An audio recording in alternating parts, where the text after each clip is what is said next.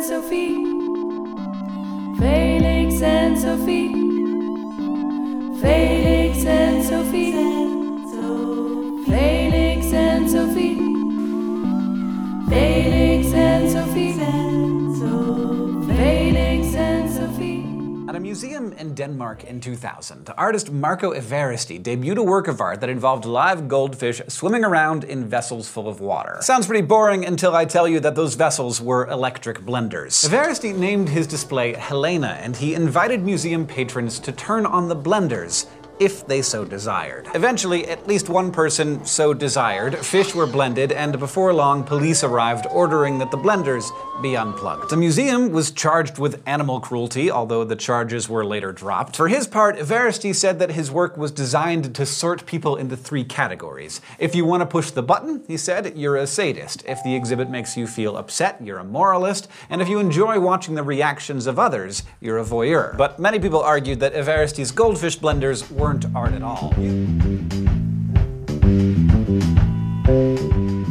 In dit fragment wordt verteld hoe een kunstenaar werkende blenders met levende vissen erin tentoonstelde om te kijken of iemand op het knopje zou drukken en om de moraliteit van de toeschouwers te testen en te categoriseren.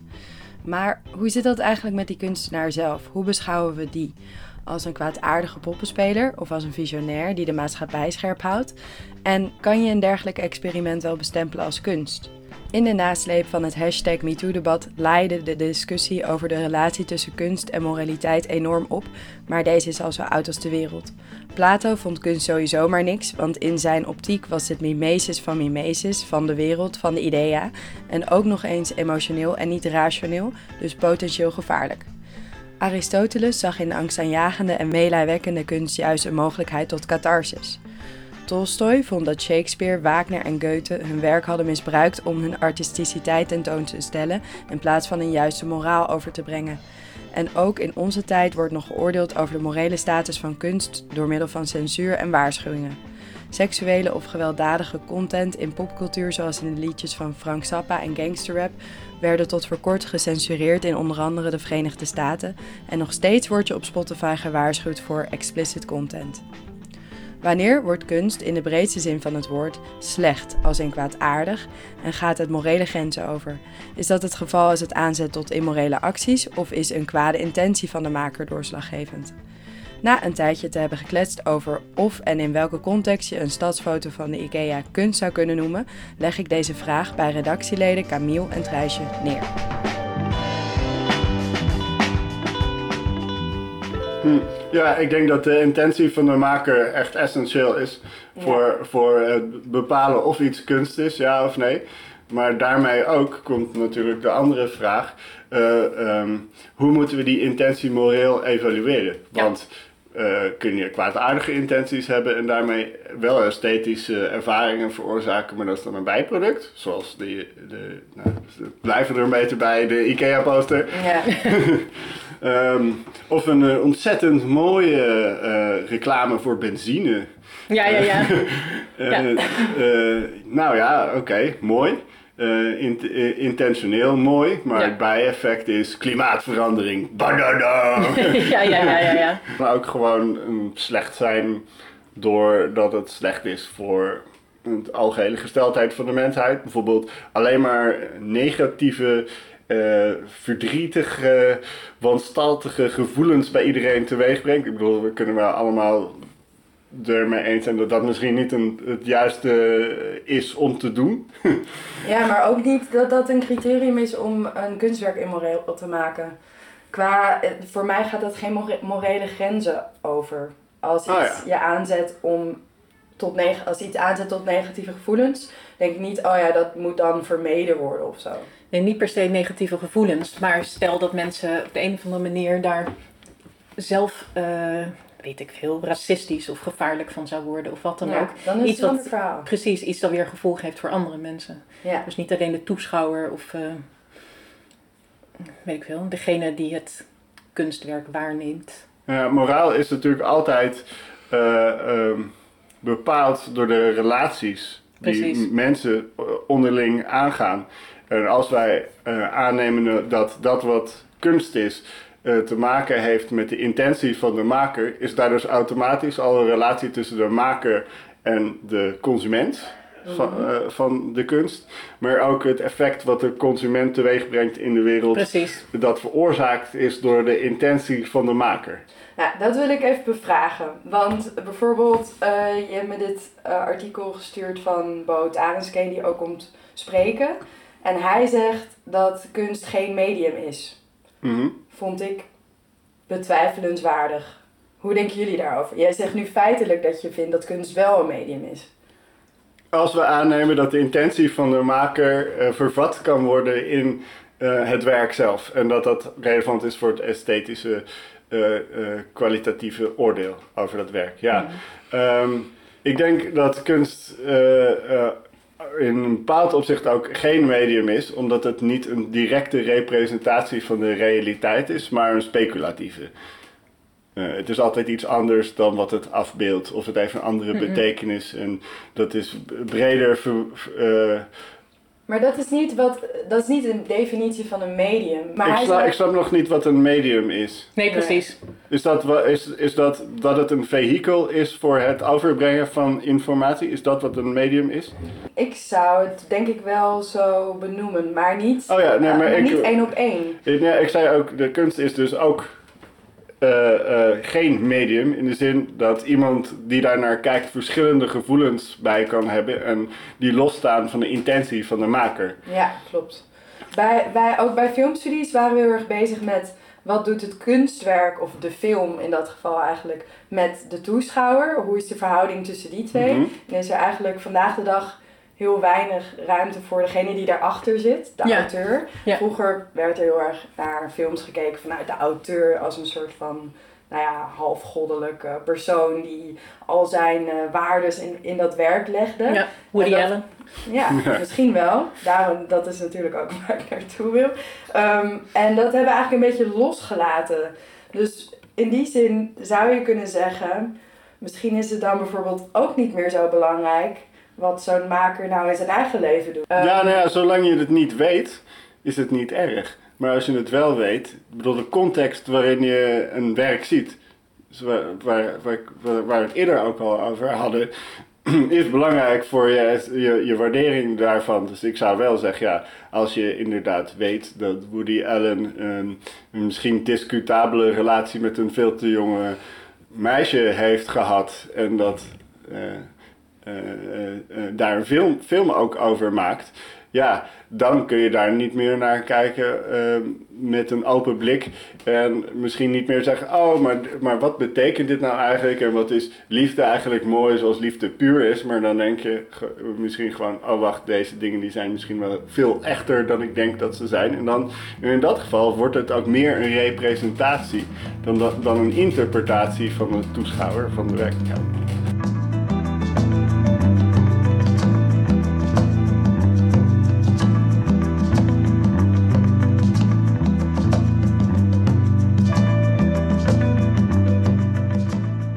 Stel Woody Allen, dat is even puur hypothetisch. Hè? Stel Woody Allen zou alleen maar films maken over het sterrenstelsel.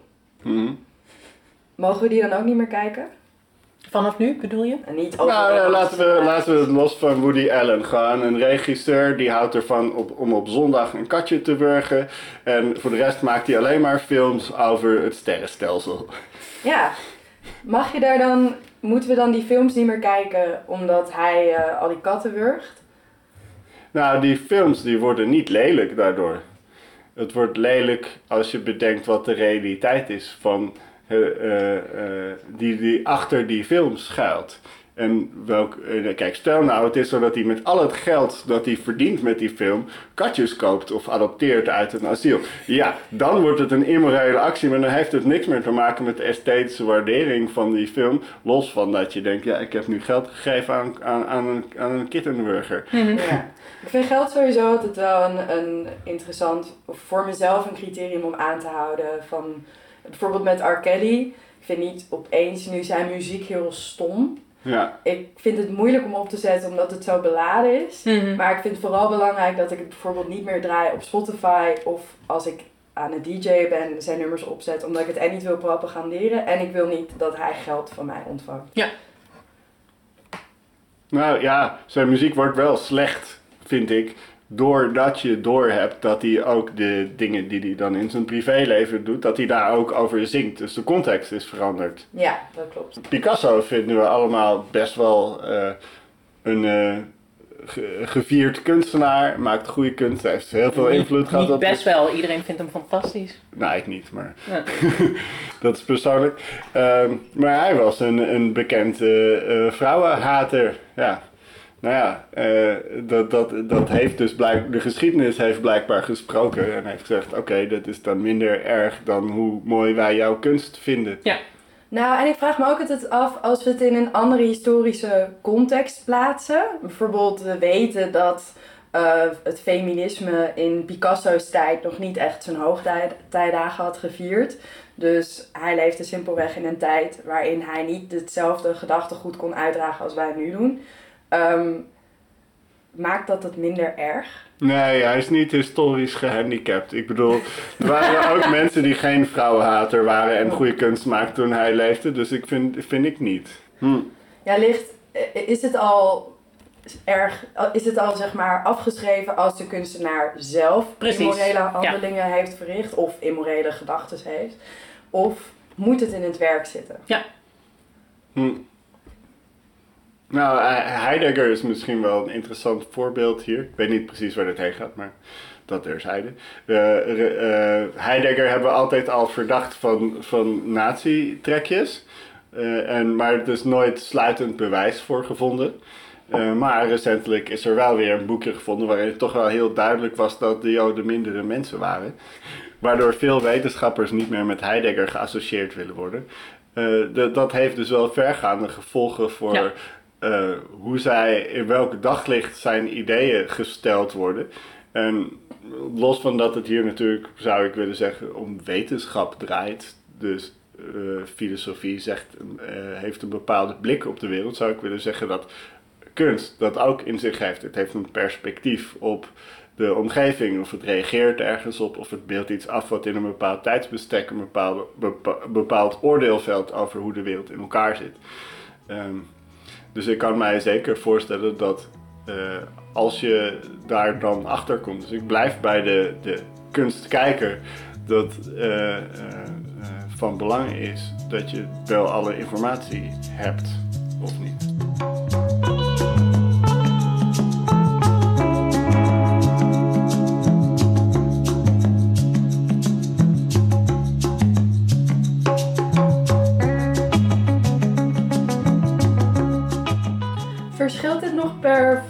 Van kunst? Want wij, wij, ik heb er nu uh, zelf begonnen, ik geloof met de haren er film en uh, muziek bij te slepen. Mm.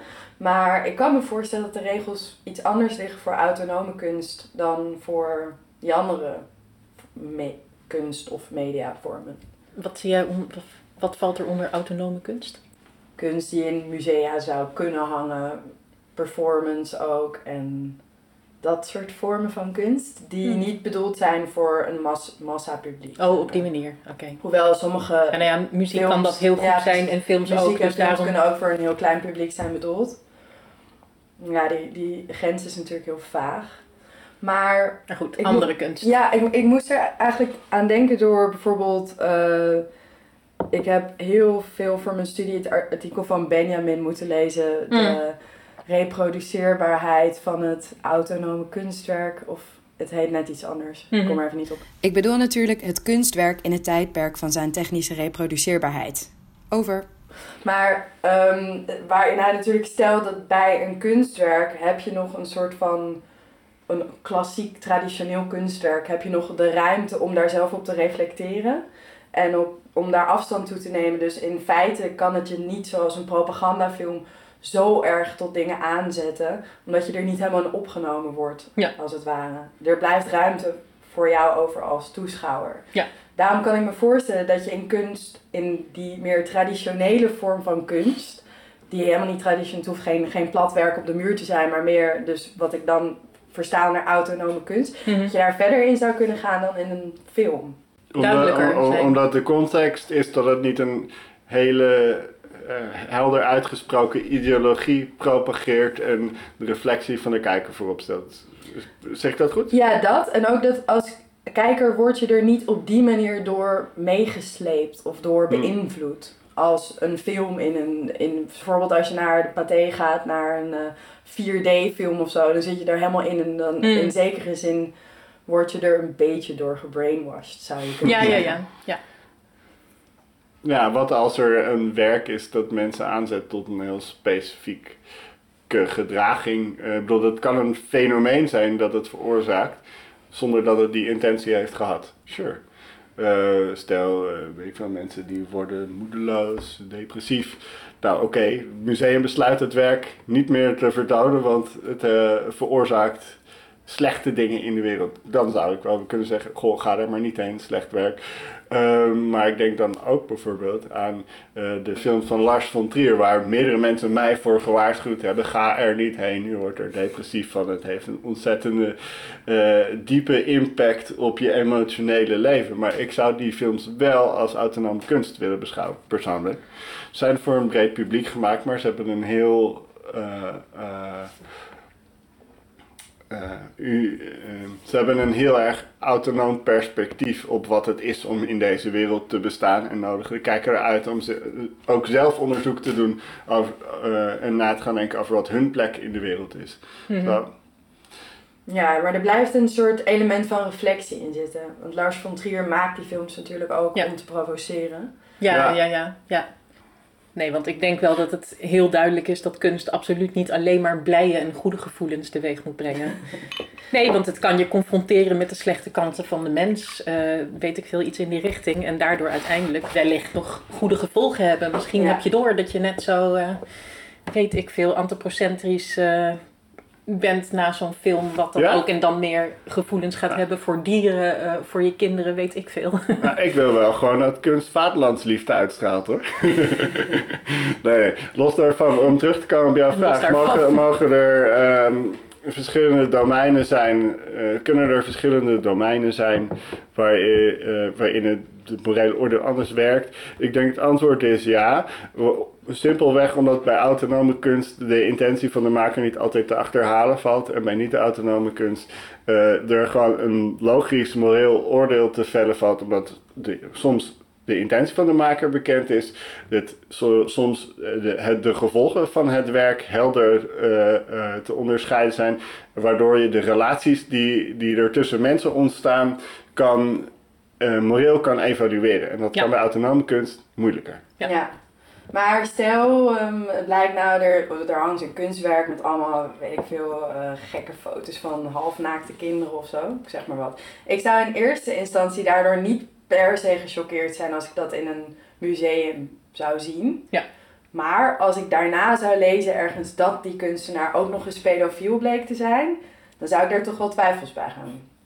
Zeker als die fotograaf Absoluut. is. Ja, dan, dan al helemaal. Ja, maar ook. ja, nee, dan, dan is het wel de vraag hoe die foto's tot stand zijn gekomen. Maar eh, ook als het geschilderd is. Mhm. Ja. Ik vind eh, dat, er, dat de fantasie geen censuur behoeft. Hoop ik. Nee, dat Ik vind vind ik ook in, in niet. je denken mag je allerlei immorele dingen bedenken die je niet uitvoert. Natuurlijk, ja. Maar En dan als je daarover wil schilderen, om daarmee te dealen, sure. Ja, maar dan is, het is er toch een verschil in, hang je die dingen in je huis of leg je ze in een laadje of Precies. zo? Of ga je die in een museum hangen? En vooral, wie, het gaat denk ik vooral met mensen die, die werken in hun museum hangen. Ja, Want dan heb je het weer over invloed op de toeschouwer en wat die voor invloed heeft op de mensen om zich heen of wat dan ook. Mhm. Tuurlijk mag je van alles denken en dat schilderen, maar precies wat jij zegt. En wat jij zegt ook eigenlijk, is de context fundamenteel, ook voor de toeschouwer. Ja, want als de tentoonstelling dan weer gaat over mensen die op een bepaalde manier te dealen, proberen te dealen met hun Geestes, aandoening, ja, dan, dan vind ik het alweer een ander verhaal. worden. ik ook, ja. ja. En worden we niet nu heel relativistisch van alles hangt van de context af? Hmm. Nou, context valt helder te definiëren vaak. Dus ik weet niet hoe relativistisch dat is. Ik denk dat dat gewoon een ontzettend relevante factor is voor het vellen van het moreel oordeel.